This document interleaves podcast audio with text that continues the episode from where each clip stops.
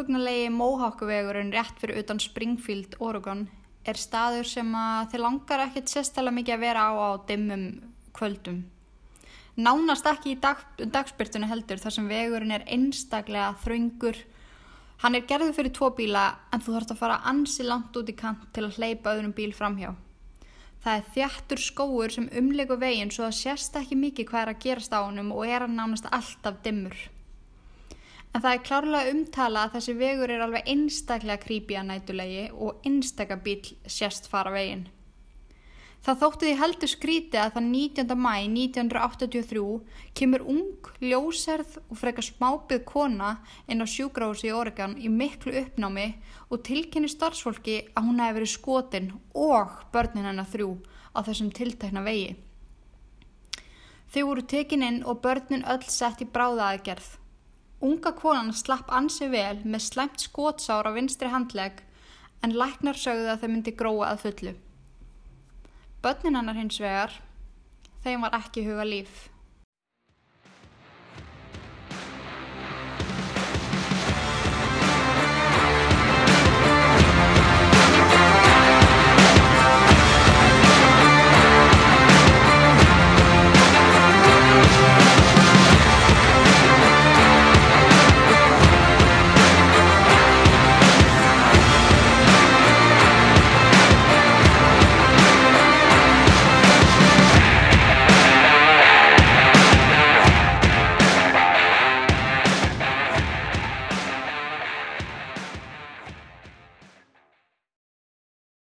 Komið sæl og verið hjartanlega velkomin í Ílverk. Podcastáttin sem að sanna það að það eru skrýmsli að núti. Skrýmsli sem eru oft nánæri manni en maður heldur. Ok, ég veit að ég segi þetta ykkur um einasta þætti og ég mun líklegast alltaf segja þetta núna frá náan en bara takk svo mikið þið eru svo geggjöð, skilabúðin og hlustandafjöldin og kvartningin til að halda áfram er trillt og ég er svo þakklátt fyrir þetta, þið veitu það ekki sko.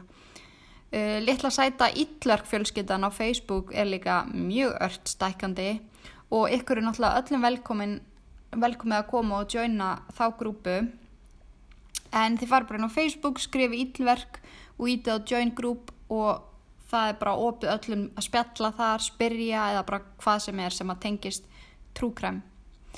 Uh, síðan ætti Íllverk að vera komið inn á allar helstu podcastöðar ég var allan að fá mail frá þeir sem að er að hósta þátti minn um að þetta ætti að vera núna komið út um allt þannig að þeir getið hlusta þar sem ykkur finnst best að hlusta.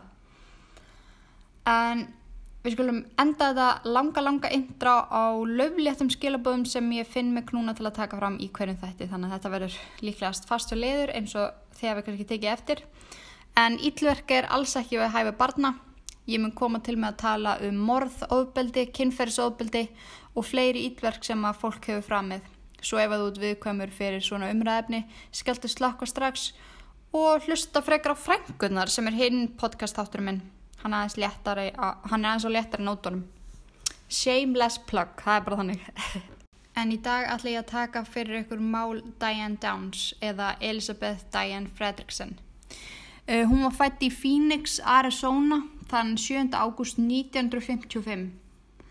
Hún var elsiskina sinna og héttu fóröldra hennar Wesley Linden og Willa Dean.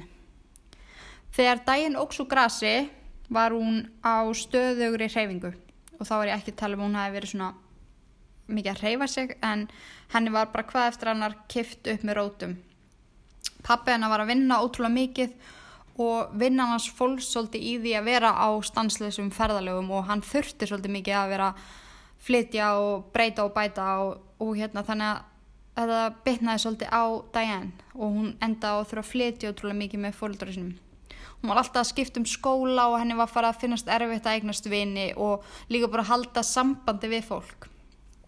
Þessar stanslösu flutningar hafðu líklegast mjög mikil áhrif á hana þegar maður spáir í því en það hafa verið náttúrulega gerðar ótrúlega margar rannsóknir á einmitt þessu að hvaða getur haft ótrúlega neikvæð áhrif á fólk að flytja mikið í æsku. Veist, það eru fullt af fólki sem að þetta kannski gerir ekki, veist, þetta breytir ekki neinu fyrir það en það eru margir þar sem að þetta hefur bara ótrúlega slæm áhrif. En sem sagt, það, það sem kom út úr rannsóknum er að fólk getur lendið í að vera ekki andlega stabílt þegar það full, fullotnast og, og getur verið svona svolítið erfitt að tengjast öðrum sem að meikar alveg mjög mikið sens af því að þú veist þegar maður er að flytja mikið og þú tengist endalist af fólki og svo flytur í burt og þetta slítar sambandinu þannig að þetta hafði ótrúlega mikil áhrif á hana og hún segir það líka sjálf í viðtölum að hún hefði verið ótrúlega mikil introvert, hérna, introvert sem krakki verið feimin og henni hefði verið stríkt mikið. Hún man að það eina sem hún þráði var að fá viðkenningu frá öðrum og ná að líða eins og hún ætti heima einhver staðar. Henni leið alltaf eins og hún væri einmanna því ekkert samband sem hún átti varð húst eitthvað djúft húst, hún átti aldrei bestu vinkonu eða uppbóls frenda eða eitthvað svoleiðis Þegar daginn varð 11 ára þá fóru hlutinir aðeins að breytast. Mamma hennar og pappi fóru bæði að vinna á pósthúsi í heimabænu þeirra og daginn fekk þá loksins að setjast almenna að á heimilinu sínu, þú veist, actually taka úr kössum og eiga sitt eigi herbyggi og, og kynast krökkum í skólanum. Uh, en daginn hefði aldrei upplifað fóreldra sína svona mikið heima þannig að hún fór fljótt að sjá að heimilislífið uh, með öllum svona stanslist heima og svona rútínu var ekkert sérstakt. Uh, það var ekki það að fóröldrar hennar rifust svona mikið, heldur var mamma hennar svona, hvernig get ég orðað þetta fallega, hún var í rauninu bara svolítið undir tilla föður hennar. Hún einhvern veginn gekk á eftir honum og beigð eftir skipunum frá honum. Á þess að hljóma harkalega þá er þetta svolítið svona, já, að gamla skólanum veist, þetta týðkaði svolítið hérna í den, sérstaklega 1950 en hún eldaði fyrir hann, hún þreif allt fyrir hann, öll född og allt svo leiðis braut allt saman, pressaði buksur og svo leiðis og hlýttu í raunina öllu sem hann segði og Diane þurfti ofta grátbyðja mömmu sína um að hjálpa sér að læra heima eða greiða henni eða bara eitthvað svona smá, hjálpa henni með hvað sem er og henni fannst svona eins og hún skipti ekki jafn miklu máli og hérna eiginmaður eða hús pappinar skipti vilja mínu máli, máli. og þá liðist þetta um heilu dagandi þar sem að þau hunsuðu bara börnin og voru bara upp í rúmi veist, að stunda kynlíf og hún að fara fram og búið til samla æ, fattiði mig, henni leið bara eins og hún ætti aldrei einnig starf heima.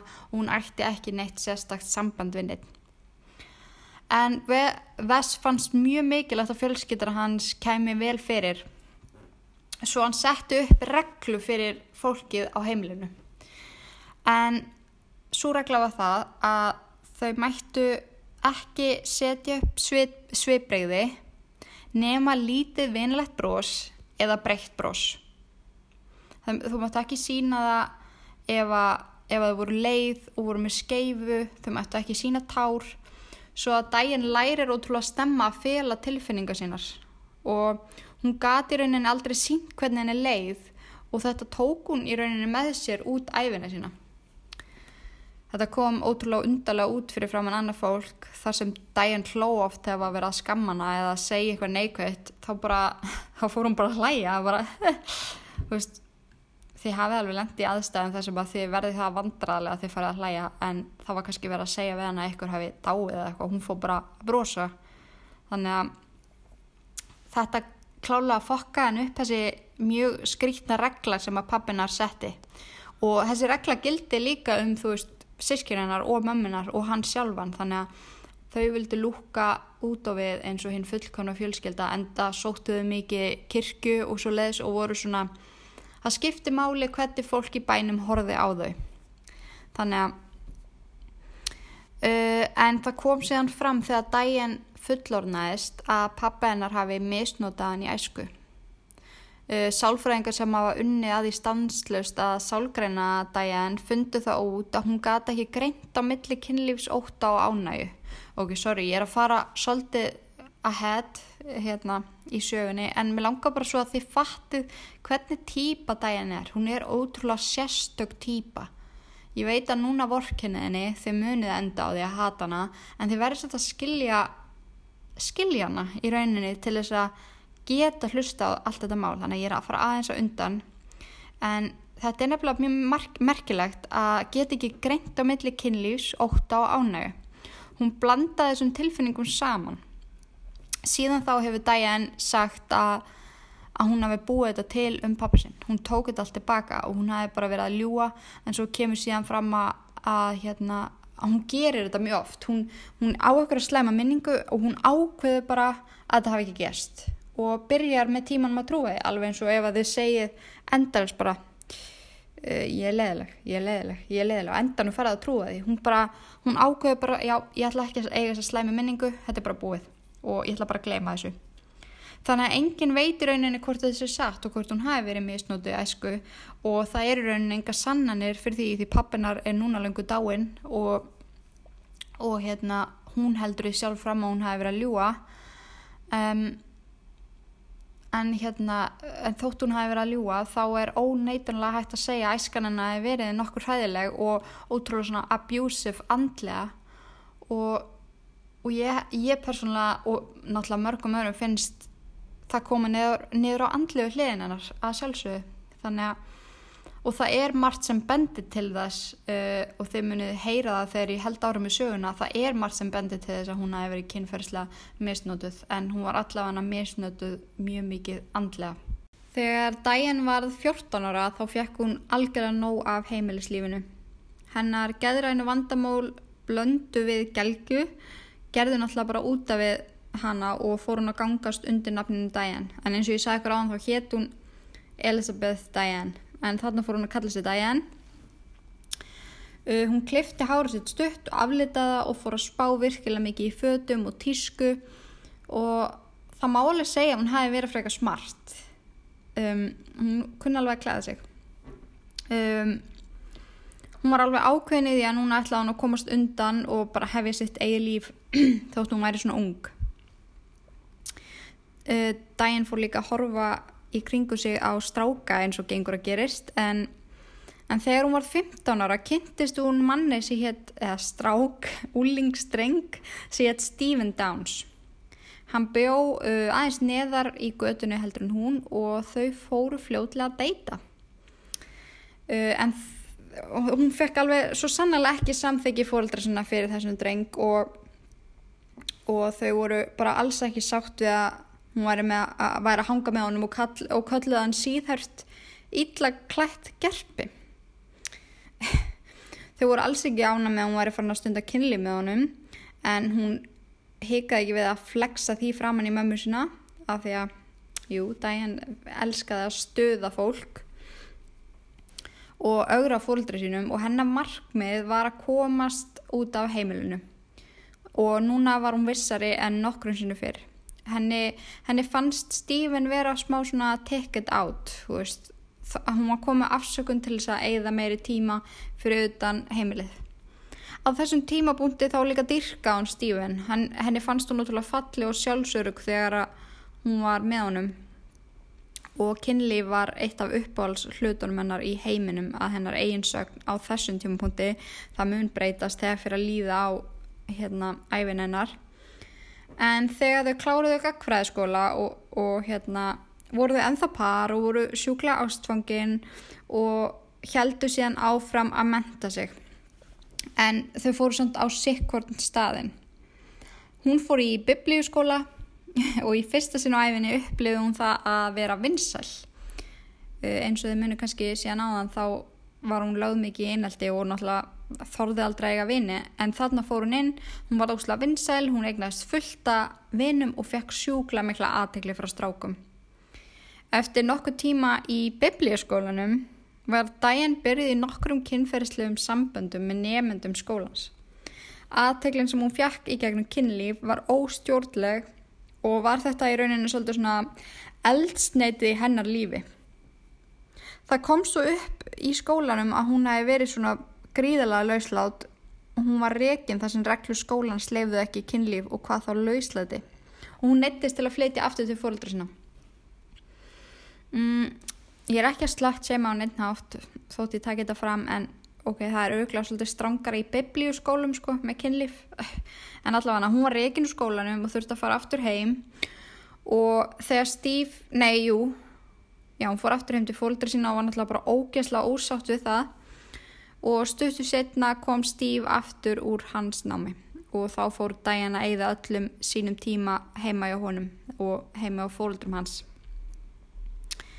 Uh, já eins og ég sagðan hún sá hann svolítið sem leið út. Hann bjargaði henni frá fóldru sínum og heimilinu sínum en innstinni var Diana ekkert það hrifin af honum svona þegar fór að líða á. Og, og það svona mingaði svolítið sjálfstæði hennar með hverjum degi að vera með honum því að hún treysti svo ótrúlega mikið á hann. Og henni hafi verið kent af mömmu sinni að kona þurfti góðan mann til að komast af í lífinu. Og það að vera, hlið, hérna, vera hliðin hliðin það að vera hlýðin og manninu sinu góðum væri eitt af mikilvægasta. Svo að Diane verð sem í tilbúin að eigða öllu sínu í Stephen og síndi ekki fram á hann á breytingu og einmitt sjálfstæði fór minkandi og hvað henn langa að gera lífinu. Og hún var í rauninu bara að flytja frá einu manni til annars, frá pappa sínum til Stephen og í rauninni breyttist hennar hegðun ekkert út frá því þótt að henni finnst ógæsla næst að komast fara fólður sinum en svona smá sætnót að því að mér finnst þetta ótrúlega áhugavert og ég hef heyrt mjög mikið um svona að mæður kenni dætri sínum að það er eiga strauja fyrir manni sinn, elda og þrýfa veist, maður hefur alveg heyrt þetta þótt þetta, hef, þótt þetta sé vissulega búið að breytast ótrúlega mikið í dag. Og veist, ég verð með þess að viðkjöna að stundum upplefi ég svona moment hérna að hlutum sem að mamma kendi mér. Ég er ekki að segja að mamma hefur verið eitthvað undirtilla en hún til dæmis var í sjokki um dagina því að ég saði að ég nenni ekki að strauja ykkur á skirtu fyrir kæratum en hann getur alveg gert það sjálfur og hún bara þú átt nú æs, fattiði hvað ég við þannig að veist, þetta er alveg til og þetta var mjög brútal á þessu tíma veist, 1940, 1950 veist, ég sé bara fyrir mér einhverja konu í kjól heima elda svona seriously. Um, en hérna en það er bara þannig að henni leiði rauninni ekki eins og hún væri að stýra eigin lífi. Hún þyrsti alltaf eitthvað til að vera með svona gæt hún fór veist, hún fór úr því að vera undir gæti fólkdra sinna yfir í að vera undir gæti Stevens. Og ef maður spáur í þessu þá meikar þetta svo mikið sens. Auðvitað festist þetta í manni bell læra því sem fyrir þeim er haft. Og, og þegar þú veist þetta er eitthvað svona minnstur sem þú læri bara frá því þú varst barn að vera svona undir til að alltaf þess ekki er þetta að breyta úr því sjálfur þegar, þegar þetta er svona það sem þú kant og það sem þú heldur áfram. Það er enginn þegar þú eru úlingur eitthvað að reyna að hvetja til þess að stýra einn lífi, fattiði mig? Uh, en muniði samt eftir svona dæmum samt úr æsku? Ég hérna, væri til að hafa smá spjallum þetta á ílverk síðan en þið muniði alveg eftir að það var eitthvað til mann sagt við eitthvað bara nei, þú ert ekki að gera þetta, þú ert stelpa. Bara, nei, bróðin ger þetta ekki hann er strákur, æ, þú veist eitthvað svona það sem er verið að kynja skipti alls konar hlutum. Ég man allavega eftir fullt af eitthvað svona þú veist, ég átti til dæmis að laga til í herbygginu minu og fyrir bróðum minn. Fattiði mig. En allavega, þetta er, þetta er mjög áhugaverð pæling. Og já en vels pappi daginu mætti einn daginn við riffil heim til Stevens og hóta honum öllu yllu ef, að, ef að hann ætlaði að vera sóju dóttur hans þá ætti hann bara að giftast henni Já, fjölskyttan hennar var í svona stífari kantinum. Mamma, ok, ok, ég kom með geggja djókina. Hérna. Ég skriði að mamma einmitt mætti hingað með riffil um daginn og hótaði kærastinu mínum að hann er það giftast. Fendinn, ég var orðin eitthvað komið smá söpgalsa því ég var að lesa þetta, nei því ég var að skrifa þetta. En viku setna voru Stephen og Diane gift. Hann hefur greinlega hlusta á pappan og þegar maður hugsa um nýgift fólk þá sér maður fyrir sér rosablöð og romantík og sleik. En nei nei. Tveim vikum eftir brúðkaup fór Stephen á deitt með annari konu sem að, sem að hann hefði lofa að fara á deitt með fyrir mánuðu síðan og hún fannst hann ekki geta hætt við það. Líka svona á síðustu stundum og Diane sagði bara einhvern veginn, já, ok og straujaði mér þess að jakkafattaböksunar var fyrir hann fyrir dætið svo hann er þið nú fín á stefnumótunum með hinni konunni. Hann kom ekki heim fyrir en um þrjú um nóttina og sagði að bílinn hans hafi bilað leðinu heim. Einmitt. Diane þráði ekkert meira en ástu um ekki og skilir þess aðtegli og hún vissi að hún fengi þessa hluti ekki á Stephen þar sem hún vissi að hann elskaði hann ekki eins og hún þráði.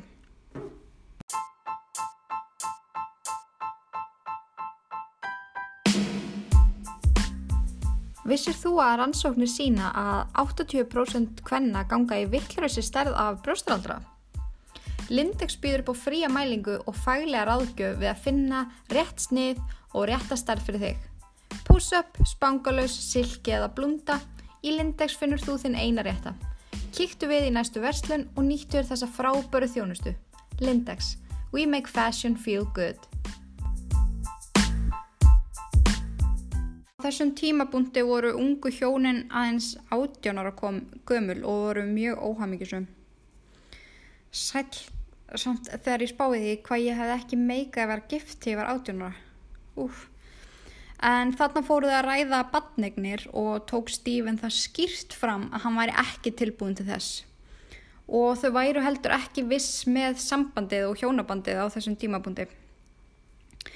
Diane hlustaði ekki á þetta og hætti vísvitandi að nota getnaðvörð.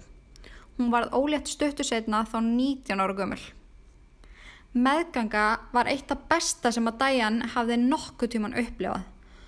Hún upplifiði svo mikla hamingju og lýsir í sjálfa henni leið bara eins og hún væri full af ást og lífi bókstaflega. Og skalinn sprakk svo algjörlega þegar fyrsta dóttir hennar Kristi fættist. Því meira sem hún elskaði Kristi, því minna pláss átti Stífen bara í lífin hennar. Þeirra samband var enþá mjög styrt og ekki hjálpaði hérna það að þau áttu ótrúlega fjárháslega erfitt.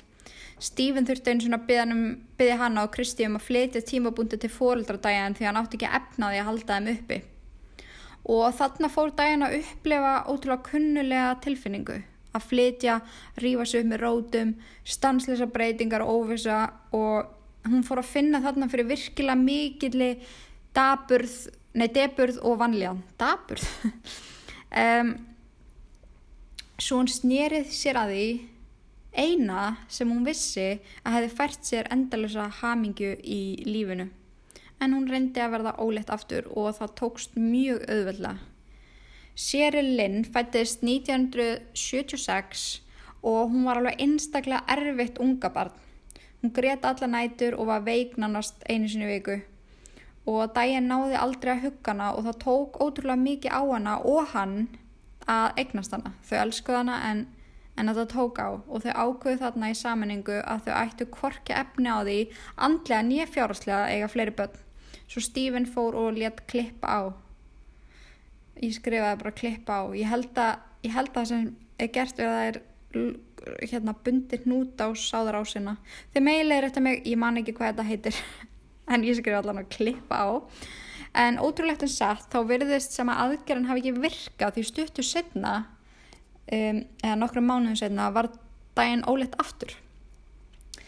Stephen náði að samfara daginn um að þau gætu ekki hugsað mannabarn, það væri bara ekki fræðilegur og þetta myndi bara algjörlega rústa öllu og þegar daginn var komið sex vikur á leið þá fór hún í fóstureyðingu. Næstu tvö árin af sambandinu þeirra voru ótrúlega erfið og Stephen vann endalust og var lítið sem ekkert heima. Hann hjælt stanslust fram hjá henni og varð alltaf kaldari og kaldari í hennar garð. Hún fann, hún fann hann bara svona í þessari burtu, hún fann það bara svona fysikli og hún eitti ótrúlega miklum tíma í að ferðast með dætu sínar uh, bara til þess að fá að vera með ykkurum manneskin sem hún þekkti. Hún fóði til fóldra sinna uh, bara hún meikaði ekki vera svona mikið einn og hún fann sér einhvern veginn enga vinnu. Hún reyndi að finna sér líka vinnu hjá fóldri sínum og þegar það gekk ekki upp þá vildu fóldra hennar að hún færi aftur heim til Stífan og í rauninni rákana bara aftur heim. Þá fór hún að eitti tíma með sýstu sinni sem átti sjálffjölskyldið þannig að hún gæti ekki staldra þar lengi og svo fór hún hérna og lappaði upp á sambandi við frænda sinn sem átti heim í Texas. Hún bara, henni vantaði ykkur til að vera með, fattar það mig, bara á daginn. Veist, hún þekkti engan í bænum, hún átti ógeðslega erut með eignast vini þannig að hún leitaði bara í fólk sem hún kannast og þekkti. Uh, Stephen vissi ekki af þessu flakki hjá henni þar sem hann, hún var ekkert eitthvað sérstaklega að láta hann vita. Hún var að fara til Texas og hann komst í rauninni því fyrir en hann fór að skoða símarækningana þeirra sem voru frekar háir að því að hún var að ringja svo mikil til Texas. Um, en hún var svona eiginlega alveg sama, hann tók henn alltaf aftur þegar hún kom tilbaka eftir þetta flakk og hún fyrirgaf honum endalust framhjald og í rauninni þá langaði þeim null að vera saman. Þau bara átt ekki efni á því að skilja. Uh, árið 1977 flutti fjölskeldan þessi fjóramanna fjölskelda í Mesa, Arizona eitt lögadaginn fóru þau á hátíð í bænum þetta var svona karnival, þetta var eins og blómstrætti dagar í hverja gerði en þetta var svona hátíð með alls konar básum, sölubásum og fróðlegsbásum og það var eitt bás sem fangaði aðteklið daginn strax en hann hétt Right to Live. Það var stór mynd að sex veikna fóstri og það mátti sjá móti fyrir útlimum og andliti. Og þegar og hérna þá bara fór að hugsa veist, að þegar hún fór í fósturengu þá var fóstrið sex veikna og það, hún lýsir því að það hefði farið um hana kaldur hollur og vanlíðan heldist yfir hana og bara hvað hafði hún gerst henni fannst hún vera morðingi, hún draf mannesku og þetta hjálpaði veist, líðan hennar ekki, ekki neitt.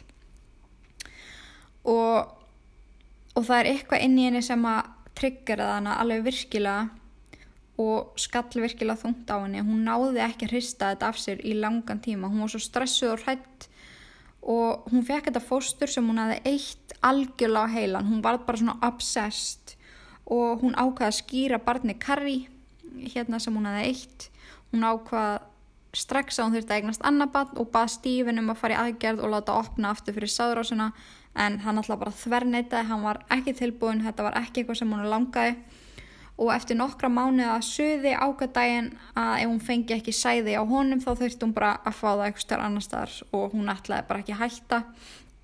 Fyrir hún gæti komið með annar barn í stað Kari til að fylla upp í þetta og sem að, sem að verða eftir.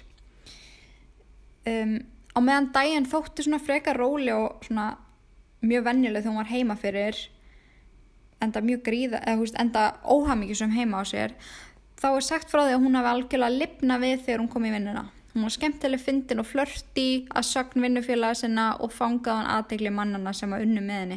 Enda falleg og hillandi ung kona. Daginn var með á heilanum að eignast hana bann og hún valdi sem mann með góða og fallega beinabyggingu og ákvað bara já, ég ætla, ég ætla að eiga bann með honum.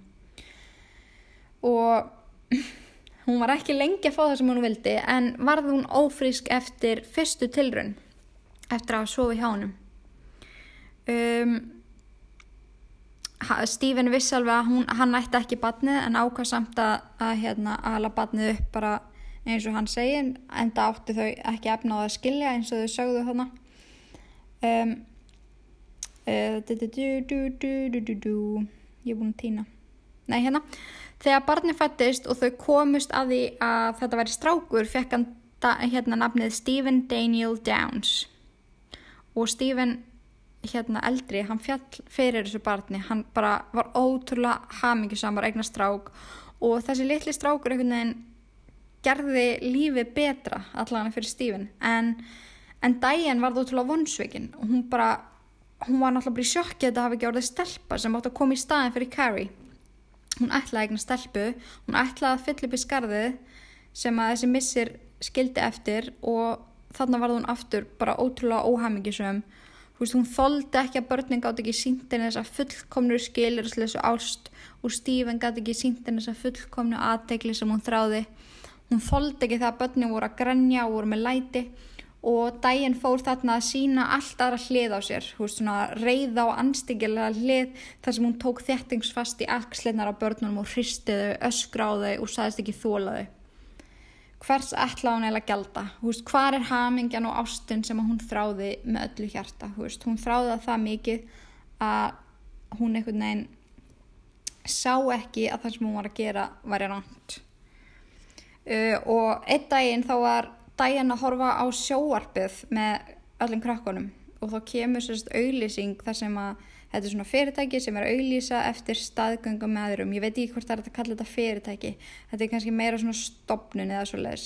Uh, þar sem er verið að auglýsa eftir konum sem að væru til í að vera staðgöngum öður fyrir fólk sem ætti erfitt með eiga börn. Og, og þetta fangaði hérna aðteglega strax, hú veist, að geta verið ólétt og hamingisöfn og svo bara ekkert barn, veist, henni, henni fannst þetta hljóma bara fullkomlega. Þetta var akkurat það sem hún þurfti og hún sótti strax um, uh, hún setti upp í umsögninni hérna bara svona fullkona mynd af sjálfur sér. Hún laug öllu fögru og planið hennar virkaði. Hún fekk jákvæmt svarum að koma í frekari pröfur og fekk hérna, já, hún fekk að koma hann út og hún var svo ótrúlega ánað, ekki bara með að fá að vera óleitt aftur, heldur, heldur fá staðgöngumöður, staðgöngumöður 10.000 dollara fyrir þetta allt saman. Og það væri nóg fyrir hana til þess að ná að skilja við Stífinn. Allt leit út fyrir að vera að ganga upp hjá daginn. En hún þurfti að fara í svona sálfræðitjekk til að aðduga hvort hún væri andlega bara gæti andlega gengið með barn og, hérna, og líka bara gefið það frá sér hvort það væri möguleiki fyrir hana. Og fyrsti læknirinn sagði við hana að hann væri ekki alveg viss og sæi mikið ójabvægi í hegðununnar annars sagði hún væri alveg í lægi og hún var algjör svona misterja fyrir öllum læknunum sem koma að þessu. Þar sem að hún var ótrúlega svona undalegt case því að ef að þið skoðu viðtöl við daginn og hlustið á hann að tala þá skiljiði hvað þessi læknar eiga við. Þú veist, hún dettur inn í það að vera ótrúlega klár og skýr og bara svona eðlileg kona þar sem maður var eitthvað, what, nei, hún gerði ekkert slæmt. Yfir því að vera algjörlega sækó og maður er bara, ha, hvað ert að segja, sko? En þarna voru fengnir inn fleiri læknar til þess að skoða hana og þeir tóku þá sérstaklega eftir að hún gæti talað endalust, þið sjáu það líka í viðtölum við hana Hún gæti talað tímónu saman og greindur hana með historic disorder. Fólk sem er greint með svoleiðis getur farið langt út fyrir velsamismörk til að fá aðtegli og eiga það sameinlegt að tala gríðala mikið. Það bregst harkala við og, líða, og líður illa þegar þau fá ekki aðteglana sem þau finnst eitthvað skilið. Þrátt fyrir þetta allt saman var hún samþygt og stuttu síðan var hún ófrísk að staðgangu barninu. Eftir að daginn fekk þess að 10.000 dollara fyrir að vera staðgöngumóðir fór hún strax í það að skilja við Stephen. En hún var angreins einn í svona viku því að eftir viku þá byrjaði hún í fyrsta svona kynlífssambandinu en hún átti í tögum þannig sambanda með alls konar mönnum og setna meir sem ég ástöldið áhugaverði punktur er að hún segir við sálfræðingi sinn að henni finnist kynlíf ekkert sérstakt lengur svo hún var lík hérna, þannig að húst ástæðan fyrir hún skipti svona mikið um menn var að það var ekki fyrir kynferðislegan unað heldur því hún þráði aðteglina þú veist þegar maður byrjar í sambandi er aðteglin alltaf bara geggjuð og manniskjöldnar eru algjörlega nummer eitt hjá korannari og vari vari vari en þegar hlutinni fara detta svona í normað, normalið þú veist þú verða eðlilegt og þú fyrir að vakna við hliðina á okkur sem er andfúdlega eitthvað þá finnur hún sér bara annan til þess að upplefa þessa sömu spennu aftur. Þannig að þú veist þegar hún segir það að kynlíf hafa ekki verið málið þá er aðdeglinn klálega málið. En einn af þessum hjásvæfum fangaði aðdeglið Diana sérstaklega eftir tvær vikur af hittingum og deytum og kúri. Og hann flutti inn til hennar með dætu sína tvær uh, eftir hennan tíma. Og hann hétt hann hétt Mac þessi gaur og hann hafi kynst henni í vinnunni og orðið ótrúlega hrifin af henni að því hún, veist, hún var svo jolly og skemmtileg og en hérna eftir nokkra dagar sambúð sá hann aðra hlið á henni eins og ég sagði eitthvað frá aðan hún var grimm við börnin, syndið þeim ekki hún skildaði ofta eftir ein heima og let elstu stelpina sína Kristi hugsa um litlu sískinni sín Nágranna kona hennar segir frá því einu viðtali að Kristi hafi einu sinni komið á banka hjá henn og spurt hvort að þau mættu fá eitthvað að borða því að það væri ekki tilnætt heima hjá þeim. Þá hefði Diana sérst farið bara á eitthvað svona fling, skili börnin eftir heima heilan dag og veist, eftir að Makka búin að sjá þetta allt þá fór hann frá henni og henni var samt eiginlega nokkuð sama þar sem hún var nýbúin að fá þær frettir að hún væri orðin gæti orðið staðgöngumóðir aftur. Þannig að það var það einu sem kom stað hjá henni. Og það sem ég sé líka eftir að researcha þetta er að það er ótrúlega mikið minnstur í gangi þú veist, hún getur bara embed sér að einu í einu og hún verður líka bara svona obsessed á einu í einu sem er ótrúlega áhugavert. En það, já, að það að vera hérna ólétt var í rauninna eina sem að veitt henni alvöru hamingju og ást og allt það þannig að eina sem hérna hún embedi sér að þarna var meðgöngan og það bara fór að spurjast út hvað krakkanir voru illa til fara. Þau voru svo, komu svo oft söng í skólan og skýtuð fram að með úvi hárið og illa klætt á kvöldundögum og, og bara ótrúlega oft eftirletslaus en hún sá ekki neitt að hegðun sinni. Hún var kona sem þjónaði þeim tilgangi að bjóða börn velkomin í heiminn. Sangant henni var hún bara svona guðskjöf og góð móður en daginn fætti síðan litla fallega stelpu sem var sem að hérna hún var mjög glöð bara að fá rétta frá sér til e, verðandi fólkdreinar og eftir meðgönguna hjælt hún áfram að vinna á postusinu sem að hún hefði þar sem hún hefði verið að verna áður og dætt aftur bara í sama farveg. Hjælt áfram að halda við gifta menn í vinninni og marga á sama tíma þanga til einn örlaríkan dag Uh, þegar hún kynnist manni að nafni Louis Stanton, Lewiston, ástinni í lífinu hennar, það er bara þannig. Hann var nýfluttur ásamt eiginkonu sinni í bæin og fór hann að vinna hjá posthúsinu. Hjónabandið var á frekar svona erfiðum stað hjá honum og hann tók því ansi vel í smá flört frá Diana. Hún var heitlandi, hún vissi alltaf og hérna hún svona sagði alltaf það sem hann vildi heyra og það leiði ekki löngu þar til þau voru frá hann að hittast og laum og Lewis hjælt fram hjá einhvern sinni í, hérna, til margra ára. Eftir að hann var spurður út í þetta setna meir segir hann að Diane hefði verið skemmtileg tilbreyting frá hjónabandi hans og honum finnist gott og holdt að breyta aðeins til. Uh, what the fuck. Uh, þegar hans ferilskráði síðan skoðið í samböndum uh, þá hefur hann haldið fram hjá næstum öllum sínum mögum en elsku daginn okkar fjall fyrir honum og ég akkur er að segja elsku. Um, hann sá bara brósandi sæta konu sem hann hefði gaman að þið hanga með en baku þessa grímu var virkilega obsessiv kona sem var tilbúin að gera allt til þess að vera með honum að eilu og amen og þá meina ég allt.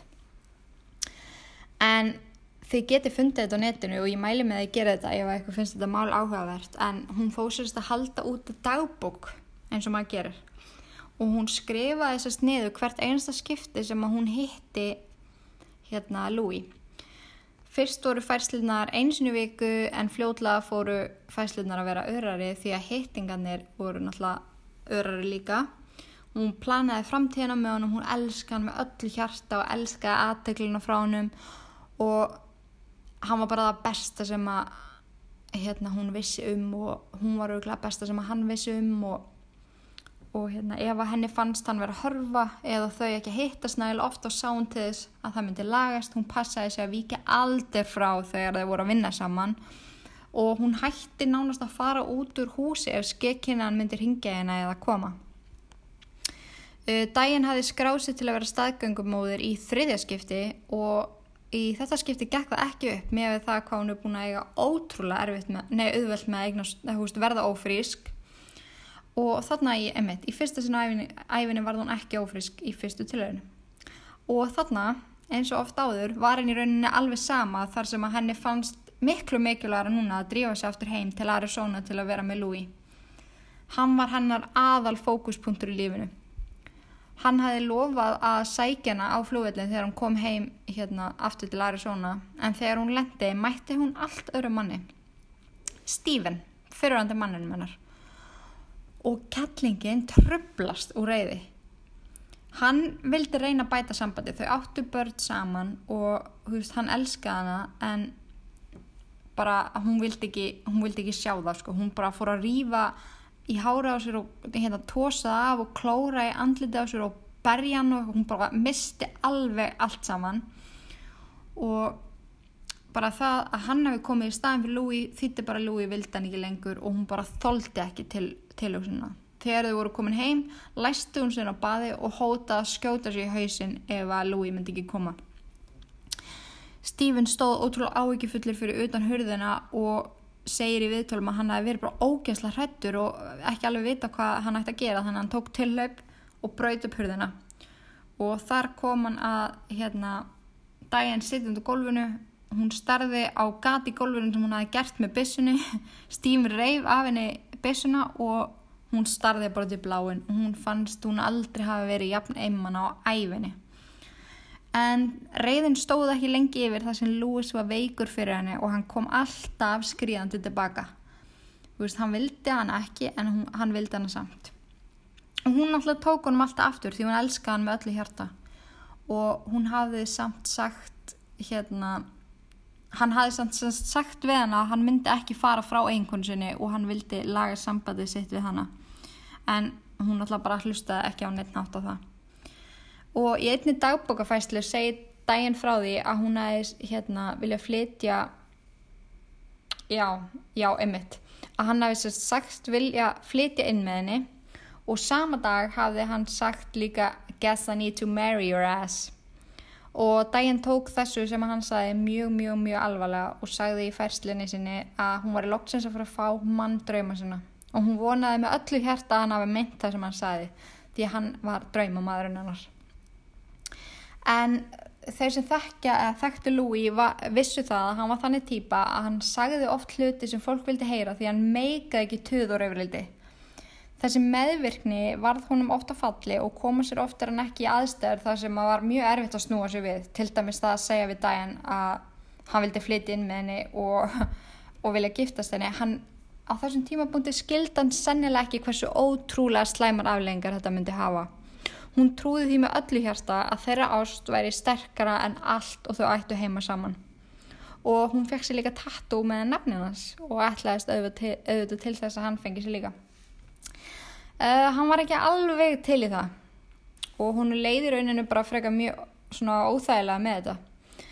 Árið 1983 fór Louis í ferð með konun sinni til Oregon og þegar Diane hafði ekkert heyrt frá hennum og vinnufélagar hennar sögðu henni að hann hefði farið til Oregon bað hún um að fá að vera sérst flutt af því að þetta postfyrirtæki er frekar stort að núti og hérna baði um það að fá svona vinnuflutning til Oregon af því hann held að hann hafi flutt ángað.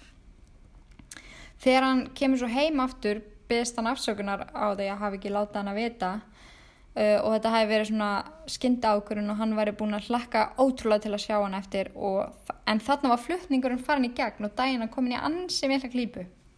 Hún þurfti að flytja því annars myndi hún missa vinnuna.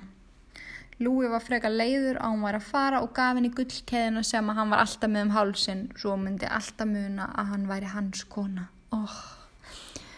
þegar hún fór sak, hérna, þegar hún svo fór þá saknaði hann hennar actually hún var alltaf góð við hann og hann ákvað með sig að fá sér einstatt og hún. Daginn var vissum að hann kæmi fljóðlega eftir henni og hann myndi drífa sig að skilja við konun hans. En hann var einmitt á ákveðnum tímpunkti ákveðin í að skilja við konunum sína og fara til dagina. Uh, en þegar daginn var hægt að hunga yfir hann svona daglega fann Louis mikið létti. Hann áttaði sig á því að hann vildi alls ekkert vera með henni.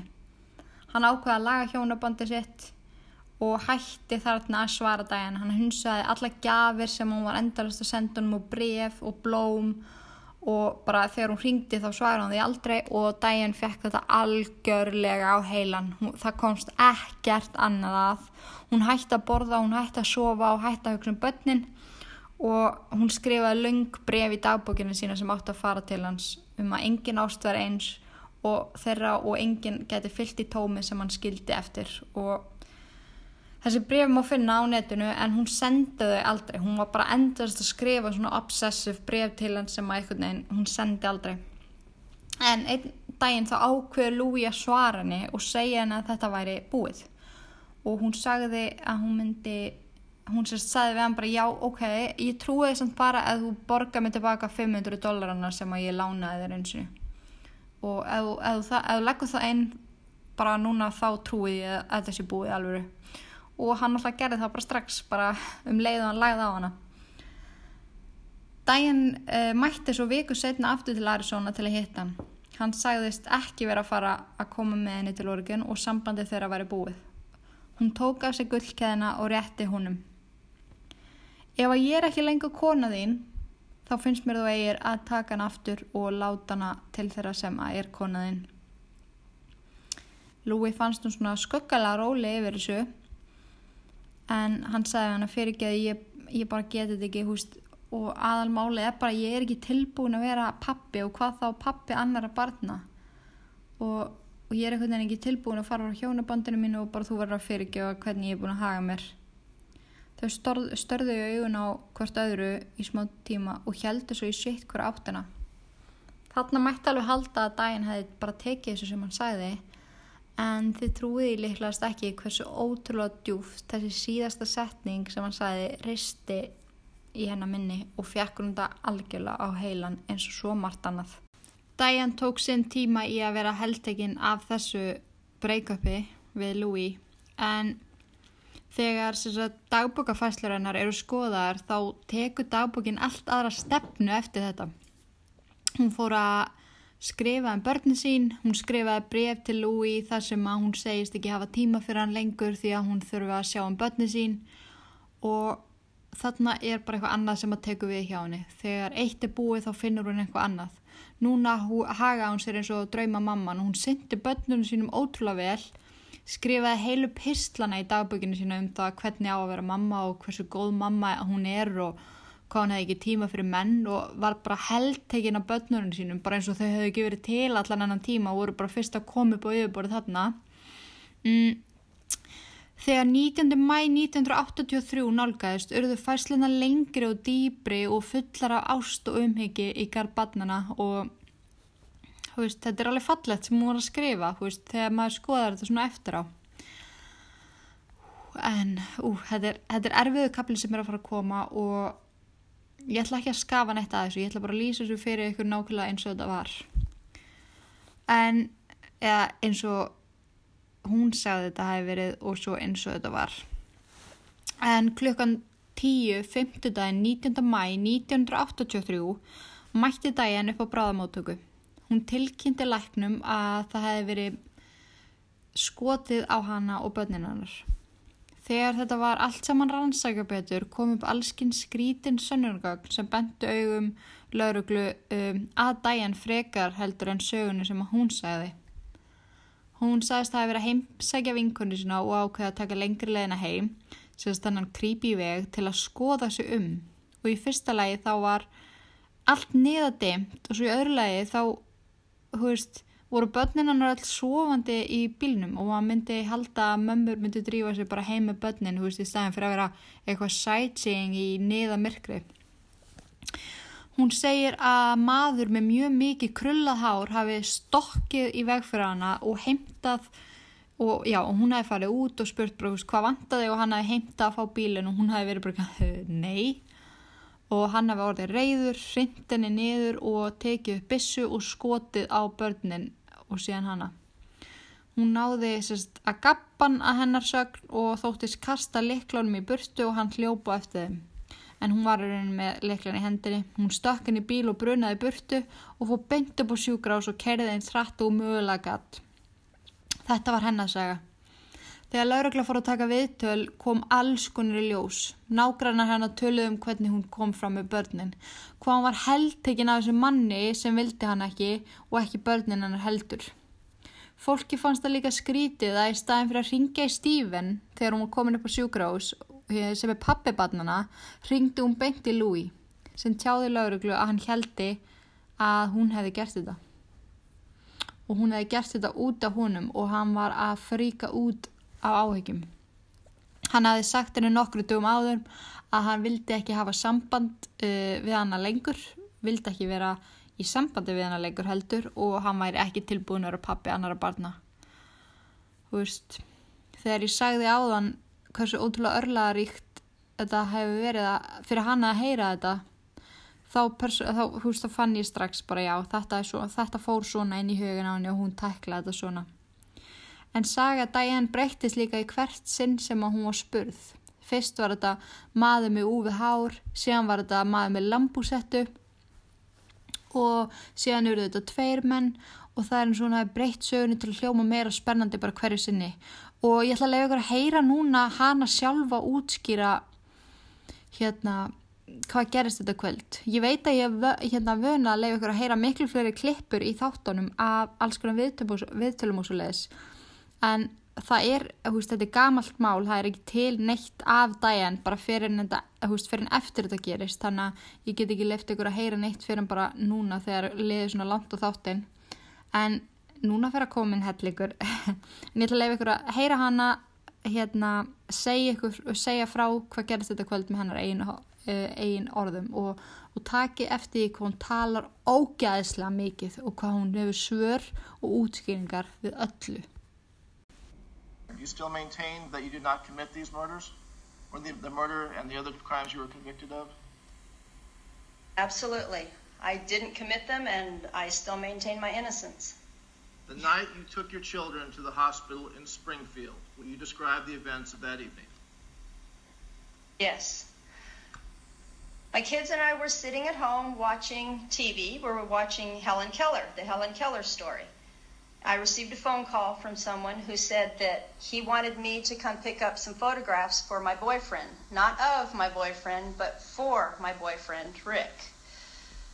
Rick is a guy that I'd been dating for about six weeks, and he claimed to be an FBI agent. Whether or not he was, I don't know. I certainly never called him at work or showed up or made him prove it or show a badge. It didn't matter to me. I wasn't to me it was just all it was just dating. But i received a phone call about 9.15 from someone who said i needed to come pick some photographs up for rick. I piled the kids in the car. We went out to go meet this person to pick up the photographs. I stopped by heather wow i can't remember heather's last name now. I stopped by heather's house because i'd been I told Heather on the phone a few days earlier that I had a newspaper ad for her. So uh, she had been wanting to buy a horse, and this was a newspaper ad that would allow her to adopt a horse. So I had told her that I had a, that I had a newspaper clipping for her that I'd found at work. So as long as we were going out to meet this guy to pick up photographs, we went by Heather's house. Heather said, "I already got a horse just the other day." So we went to see the horse. We got back in the car. We left. I went to meet this guy. Somebody in the road flagged us down. I stopped and got out of the got out of my car and he said something to the effect of, I want your car. And I laughed at him. And I said, You've got to be kidding. Because in my mind, those kinds of things don't happen. In Arizona, those things don't happen. I don't know about Oregon, but in Arizona, those things don't happen. And so he jumped into the car, leaned into the car, and started firing the weapon. And it happened so quickly that by the time he stood up and faced me, it was over. I mean, it was just that fast. I, he said something about the car again, and I struggled with him. The gun discharged. He fell back. I jumped in the car, put the keys in the ignition, and took off. The car door shut by itself. That's it. And I went to the hospital. Christy and Dan, uh, Christy and Danny were in the back seat. When we got to the hospital, they were still crying. Um, the nurses reported that they were still crying. The state says I that I was the one that shot them and that I wanted them dead. If that was the case, I would not have taken them to the hospital still crying. There are so many other ways to accomplish such a horrific deed if I was going to do it. I'm certainly bright enough to figure out another way besides some way that looks so absolutely insane and hokey that nobody would believe it. I'm not dumb. Ultimately, you told several different versions of the story when when law enforcement investigated this, correct? When you were when you talked not correct. ultimately well what ha- I, I understood that um, you told law enforcement that uh, this was done by two men with ski masks? This is what somebody told me. This it how do i explain this? After my children and I were attacked, the police kept saying, Diane, you must have lapses in your memory because there's holes in this. You could drive a semi truck through. None of this makes sense. Um, you're forgetting something. I believed because I'd never had any dealings with authorities, and I believed the authorities, and so I thought they did. That I had lapses of memory. I can't tell you how the towel got around my arm, so I know from my own personal experience that I did have at least that much of a lapse of memory. I don't know how the towel got around my arm. So when I, I would have, when people would call me up and people would say, I know so and so, and he said such and such. Um, well, I have a na- another guy would call and say, I have a neighbor, and he has a car that just looks just like that, and he's been talking. These kinds of things were being said to me either by phone. People would stop me on my mail route. They would. I worked in Cottage Grove, and people would drive all the way to Cottage Grove just to meet me on my mail route and tell me these kinds of things. So I would call the police or I would go to the police and I would say these I would say this is what's being told to me. Those are the kinds of things they would say that I changed my story. I wasn't changing my story. I was trying to help. The police kept saying I had lapses of memory. People were calling me and telling me things that I thought, well, maybe this is what happened that I don't know. And so I would tell the police, believing that I was helping them investigate. They didn't tell anybody that these are reports, that I was giving them reports from other people. They would simply say, Diane came in and said such and such. The one about the ski mask was dreams that I was having. And they kept saying, well, maybe you forgot something. So when I would have a dream and I would wake up, I would think, well, maybe that's what I would forget.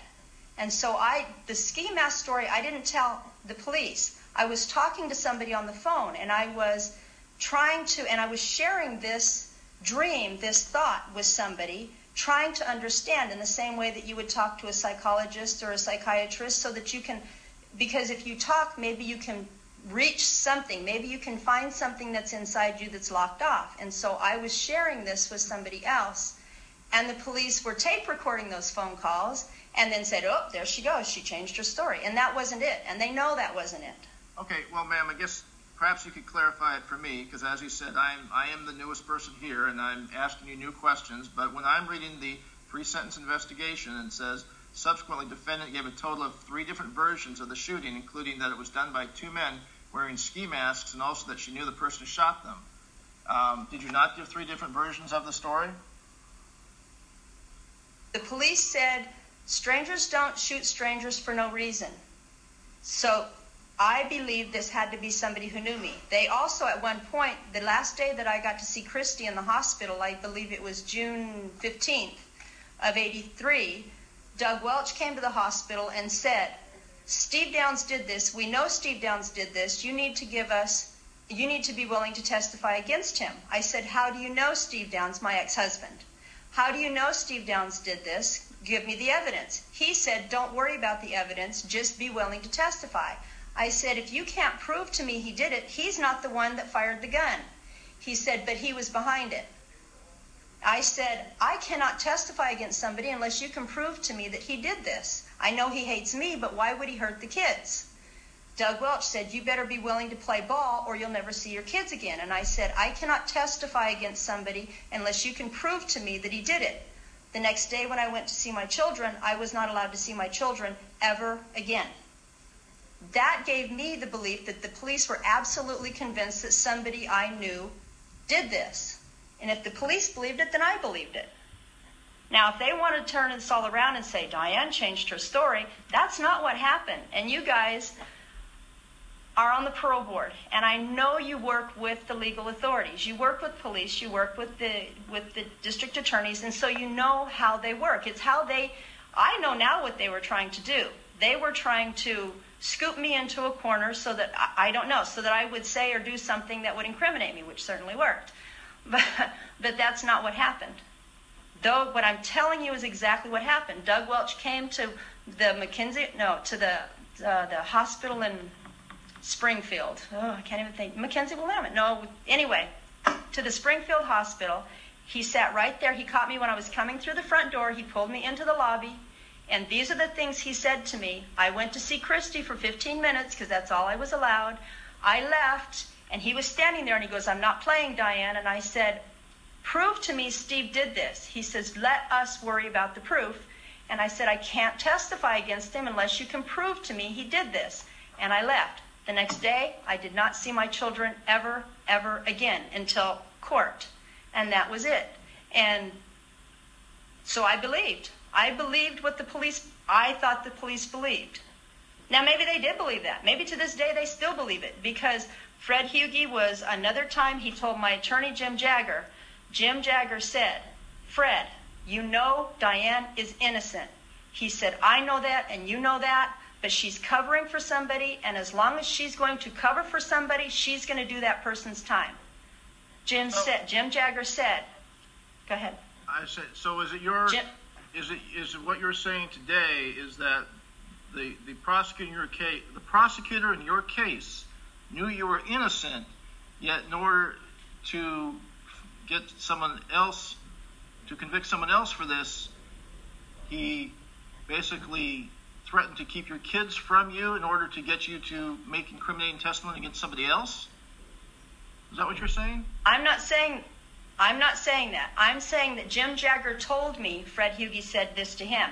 I don't know that Fred Hugie said this. I have no reason to believe Fred Hugie said this now.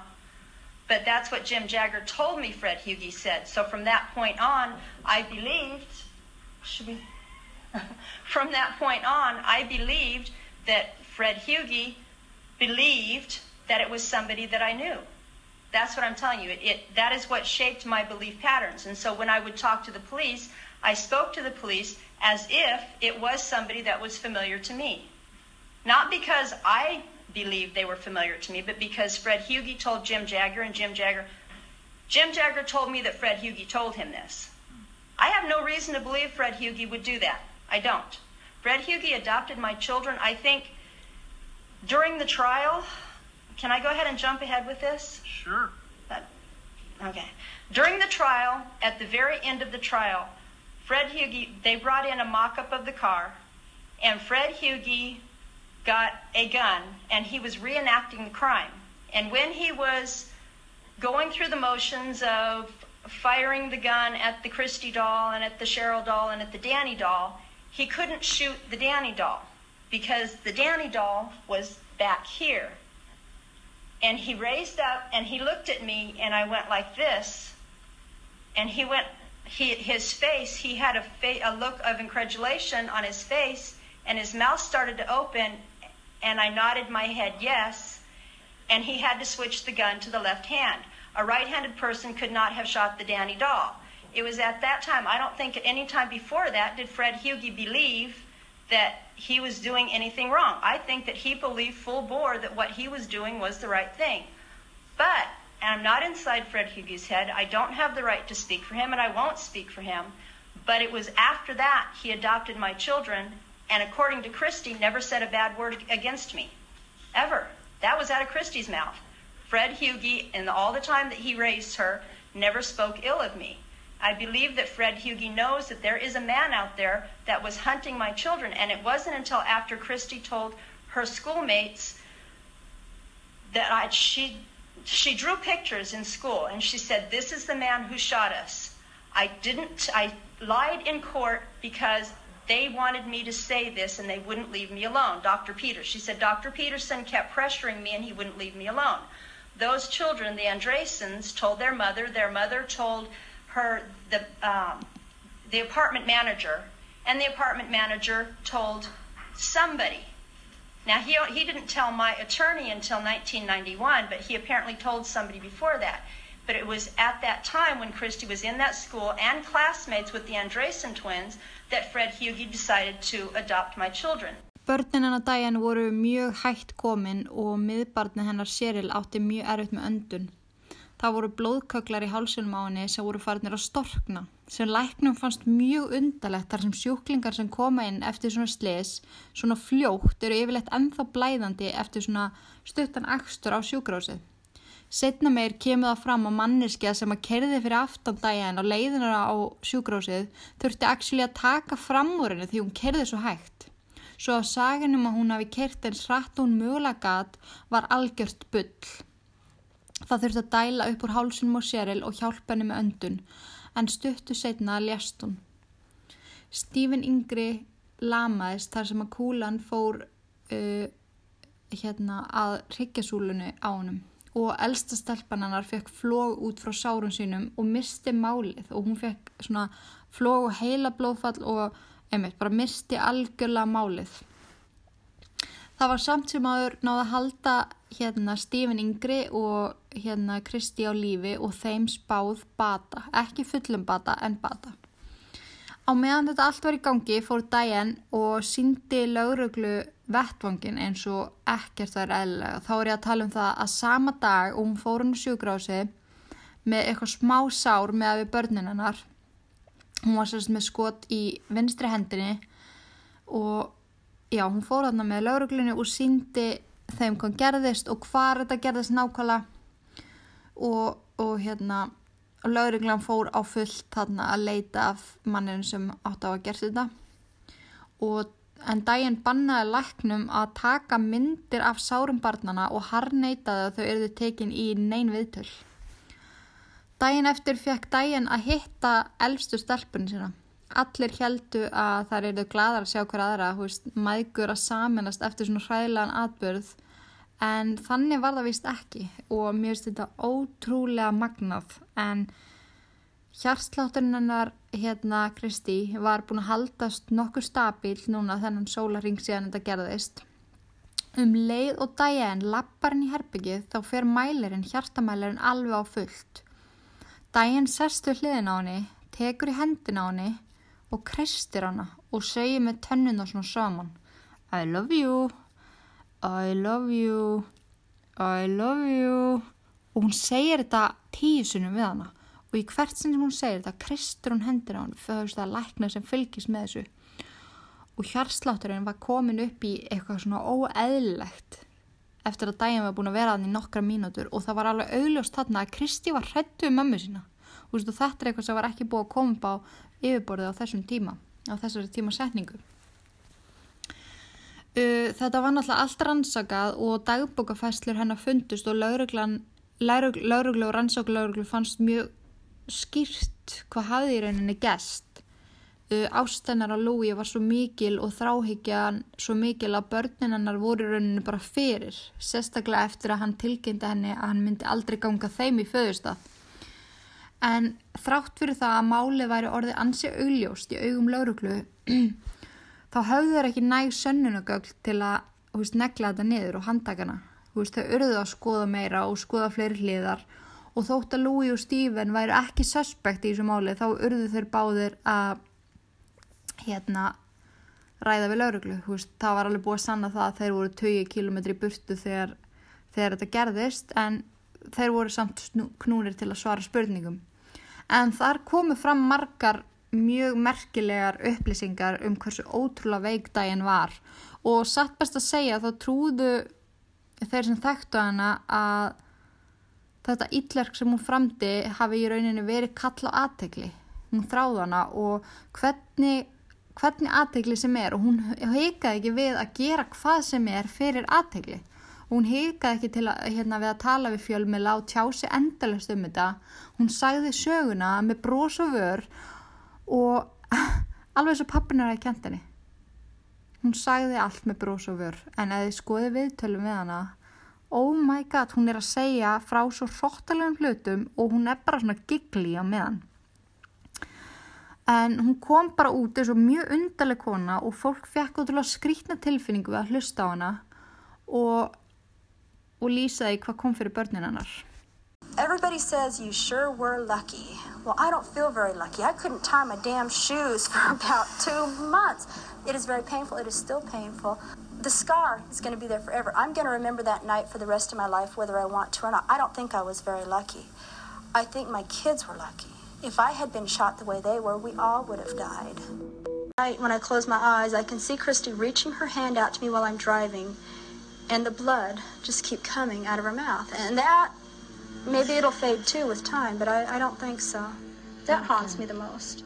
Uh, þegar Diane átti síðan að fara fyrir rétt og svara spurningum undir eið þá neyta hann því og það er mjög sjálfgeft að fólk neyti svo leis, sérstaklega þegar það er að lýsa sig yfir sem uh, saklaust fólk og hvað þá, hvað þá líka þegar börnin eru málið sem að þetta snýst allt um. En hún þverneitaði og fannst allir vera ráðast á sig. Hún réði í liðið sig lögfræðing til þess að svara fyrir hana og bannaði svo öllum að koma nálagt börnunum á sjúkrásinu. Hún hótaði mér þess að taka þau af sjúkrásinu ef fólk let, hérna myndi ekki láta þau í friði. Núna var liðin mánuður frá því að 27 ára gamla Diane Downs mætti på bráðamótöku með börnin sín þrjú sem hefði öll verið skotin. Dæin var algjörlega búin að baða sig í aðteglinni, fara í fjöldan allan að viðtölum en aldrei hafði hún áhuga á að tala beint við hérna, fjölmiðla, nei við laurugluna. Þeir sem unna á málinu voru hægt og rólega að sapna upplýsingum og voru komið ansi mikið magna hlutum sem meikuðu bara ekki sens og vonuðst þeir til að ná að negla þetta niður once and for all. Þeir vantaði samt þessa sönnun, þessa einu förstu sönnun sem myndi sína fram á að þeirra skoðun og ekki eins og bara skoðun að þessar staðrendir væru það sem að ég raunverulega gerðist. Og þarna var Kristi, elsta dóttur daginn, búin að vera undir stanslögri eh, stanslögri vol erfitt að segja stanslausri hjálp frá sálfræðingum og var alltaf í ykkur meðföðun og hún var farin að geta tjá sig aðeins aftur. Og málið er að í rauninni er hún svo eina sem gætt sagt frá því hvað gerast þetta kvöld því að, þú veist, litlu sískinennar annaður af að dáið og hitt var bara þryggjara. Þannig að það var ótrúlega mikilvægt að hún myndi ná bata til þess að þetta geti verið nellt niður. En hún var ennþá alltaf hrætt og þetta var ennþá alltaf mikið áfall fyrir hana og þeir sem rannsökuðu málið vildu auðvitað ekki þrýst á hana og láta hana bakka tilbaka aftur með batan. Og Diane fór bara á fullt í það að reyna að fá börni sín eftirlegandi tilbaka því að hún taldi sig vera algjörlega saklausa. En það var búið að taka þau úr hennar umsjá væntalega á meðan þau náðu sér og hún var náttúrulega bara undir varðhaldi. Dæjan drullaði stanslust yfir laurugluna fyrir mjög slæm vinnubröð. Það væri morðingi gangandi laus og það væri, statt og stöðut verið að reyna að heila þó börnin hennar. Hún hjælti fram að það væri verið að reyna að skemma hvernig þau hugsuðu svo þau væri talin þroskaheft svo það væri hægt að fá taka þau af henni. Allir hristu hausin yfir þessari hugmynd en hún fór með þetta í blöðin, hún fór með þetta í tímaritt og hún fór með þetta út um allan heim og þetta bara varði eins og þetta fór eins og eldrum sinu og var mest djús í fyrirsögnin og sæl hvað þetta seldi mikið af dagblöðum þennan dag. Og fjölmeilar algjörlega átan í sig. Og ég ætla að lefa ykkur að heyra núna hvernig hún talar um þetta. Hún, bara, hún er bara, er þið haldið bara að ég sé heimska ég, ef ég myndi að drepa börnum mín þá myndi ég gera það betur en þetta. Ég ætla að lega ykkur að heyra þetta með hennar eigin orðum. Again, Downs, a single mother and a postal worker adamantly denies any involvement. Why would I have taken my kids to the hospital? Wouldn't I have made sure they were dead and then cried crocodile tears? That's insane to think that I would do such a thing and then bring the, the witnesses in against myself. That's crazy. Síðasta um svona sönnunagarinn sem var nota gegnin í réttasal var, pottet planað að nota síðast því að þetta syndi svona nákvæmlega hversu ótrúlega yllun var. En það var sérst komið handklæði sem var vandlega brotið saman sem var þakki blóði. Og þetta handklæði hafi fundist í bílinum og er talið að dægin hafi haft að tilbúð fyrir sjálfa sig til þess að þrýsta á sárið eftir hún skot, hérna, skaut sig í hendina. Á meðan börnina sátu aftur í að blæða út.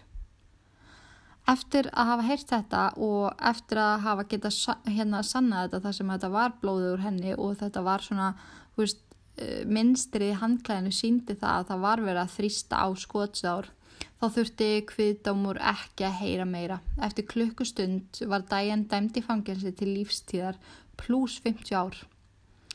Þegar hún var dæmt þá brosti hún breytt og brosti alla leið út úr réttasalunum. Tíu dögum síðar eignaðist hún litla stelpu sem hún faðmaði að sér í síðasta sinn og gaf hana svo frá sér. Diane flúði úr fangelsinu 30. júli 1987 en hún var ákveðin í því að hún væri saklaus og í tíu daga náði hún að fela sig. Hún fannst í íbúð rétt hjá fangelsinu þar sem hún hjekk með fjórum mönnum sem allir gáfu henni aðtegli sína og aðteglina sem hún sagði. Eftir, eftir áhyggja sagðist hún hafa reynd að verða ófrisk en þetta hafi náttúrulega ekki verið rétt í tíma mánarins. Þannig að henni var hend aftur bak við láts og slá og engar fleiri meðgöngur, engin meir, og ekki meiri fölsk ásk, fölsk ást fyrir ekki en það var bara þannig að daginn hún gati ekki elskað og hún vildi bara láta elska sig veist, það er bara þannig. En það er svolítið áhugavert að stelpan sem að hún egnaðist í fangelsinu og var gefin upp til ætlingar hún hafði samband við Diane þegar hún var fullorinn en þessi stúlka átti við mjög mikil geðræn vandamál og stríða og þegar hún var úlingur þá fór hún svona að forveitnast um það hver væri mamminar í alvörunni og, og fóreldrana voru, actually, mjög, mjög, voru með miklar áhugjur af henni þar sem að hún síndi enkenni sem að sem að voru í Diane líka. Þau við náttúrulega vissu að Diane var í mamminar en hún vissi það ekki. Og þau voru bara ekki að sétt er það svoleiðis að þetta er bara eitthvað sem að þú fæðist með? Er hún bara að fara að vera alveg eins og Diane mamma sín og hún var komin í hardcore dóp og, og nýstlu og alls konar bara svona vafasum mál og henni var actually hend út.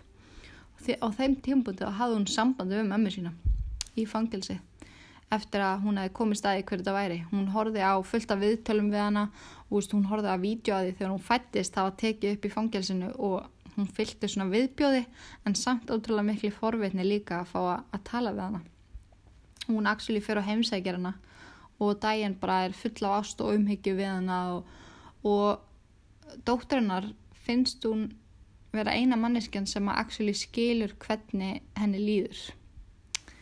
En með tíð og tíma þá fyrir hún að sjá það hvað mamma hennar er ótrúlega veik og fyrir að líka frekar illa við alls konar hluti sem hún er að segja við hana. Þannig að á endanum þá slítur hún öllum sams, hérna, samskiptum við hana. Og í dag er þetta bara eldri kona bara við sína eigin fjölskyldi þau getur hlusta á viðtölum við hana. Þannig þetta er mjög áhugavert. Hún er mjög lík mömmu sinni í útliti. Hún er bara svona dakkara típan af Diane. En já þetta var málið af Diane Downs eða Elizabeth Diane Fredrickson ég held að þetta sé lengsti þáttur sem ég hafi gert en það er svo ótrúlega margt sem að er þetta að skoða í þessu máli. Það er svo ótrúlega mikið að gæðra um kvillum og twists and turns. En vá, þetta er, þetta, er, þetta er ótrúlegt. Og líka bara það að hlusta á þessa konu veist, hvernig hún talar um þetta allt og, og hvernig hún tekur þessu ennþanda í dag. Hún er ennþá saglus sko, að hennar eigin sögn. En já, ég vona að þið hafi haft ég veit ekki hvort þið hafi nú kannski haft gaman að þessu en þetta var vonandi áhugavert. Og ég lakka virkilega til að koma með nýtt mál fyrir ykkur í næstu viku. En as we speak er ég að hlusta á hljóðbókina uh, The Strangler Besides Me. En það er sér kona sem að að sem að skrifaði bókum Ted Bundy en hún var vinkunans og hún var actually í lauruglunni og hún var mjög góð vinkunans og hún fór í gegnum alla hans hérna glæpi bara sem ótrúlega blænd manneskja sem að grunaði ekki að vinrarinnar væri að þessu. Þetta er ógæðsla mögnubók og mér langar svo að tala um Ted Bundy í ykkur af þáttunum en þetta yrði að vera ykkur svona framhalstættir því að þú getur ekki bara tróðið öllu sem að Ted Bundy gerði í eitt þátt því að hann var einn merkileg pera sko sæl af því að ég yrði eiginlega bara að skipta þáttunum upp í hús glæpuna lífið hans típuna af því að veist, er, já, eins og ég segi ég gæti ekki, ég gæti ekki mögulega að skvísa þessi eitt þátt, þátt, það er bara þannig. Þannig að þeir með endilega að koma með hugmyndir um það hvernig við getum rætt um Bundy enna hérna saman því að mér langar ógeðslega að gera það eitthvað tíman ég bara veit ekki hvernig, svona ef ég á að vera alveg hinskilið við ykkur. En þetta er geggjubók, hún er ógeðslega áhugaverð og einmitt bara að fá að líka heyra þú veist þótt Ted Bundy að vera skrimsli þá var hann líka fokking snillingur á mjög mörgum sviðum og hann var mjög, mjög gáðað maður þannig að þetta er mjög interesting. En ég ætla að segja þetta gott áður þetta verður þryggja klukkutíma þáttur eða eitthvað svolítið mér langar að þakka ykkur kærlega fyrir að hafa hlustað. Þið með segja mér hvað ykkur finnst um hennar þátt, hvernig finnst ykkur þegar ég tala svona ógisla mikið og lefa ykkur að heyra færri klippur. En það er samt bara út af því að það voru ekki til fleiri klippur heldur en það sem ég síndi ykkur en líka bara einmitt að dæfa eins inn í svona sálfræði hlutan og allt þannig þannig að þið með endilega einmitt gefa mér feedback, þeir eru alltaf reynda dögulega við það, þeir eru ótrúlega frábæri hlustendur, ég elska hvað eru margir svona lojal hlustendur sem að senda á mig eftir hvern einasta þátt, gefa mér punta og alls konar þannig, þannig að mér finnst það geggjað. Og endilega bara joina ítlverkgrúpuna á Facebook og þar getið spjalla saman eða spjallaði mig, bara whatever en ég ætla að þakka ykkur kærlega fyrir að hlusta og við sjáumst að vikuleginni eða heyrumst að vikuleginni og ég ætla að byggja ykkur vinsalast að forðast öll ílverk að nema að sjálfsögðu þetta podcast. Við sjáumst í næstu viku. Við heyrumst í næstu viku. Bye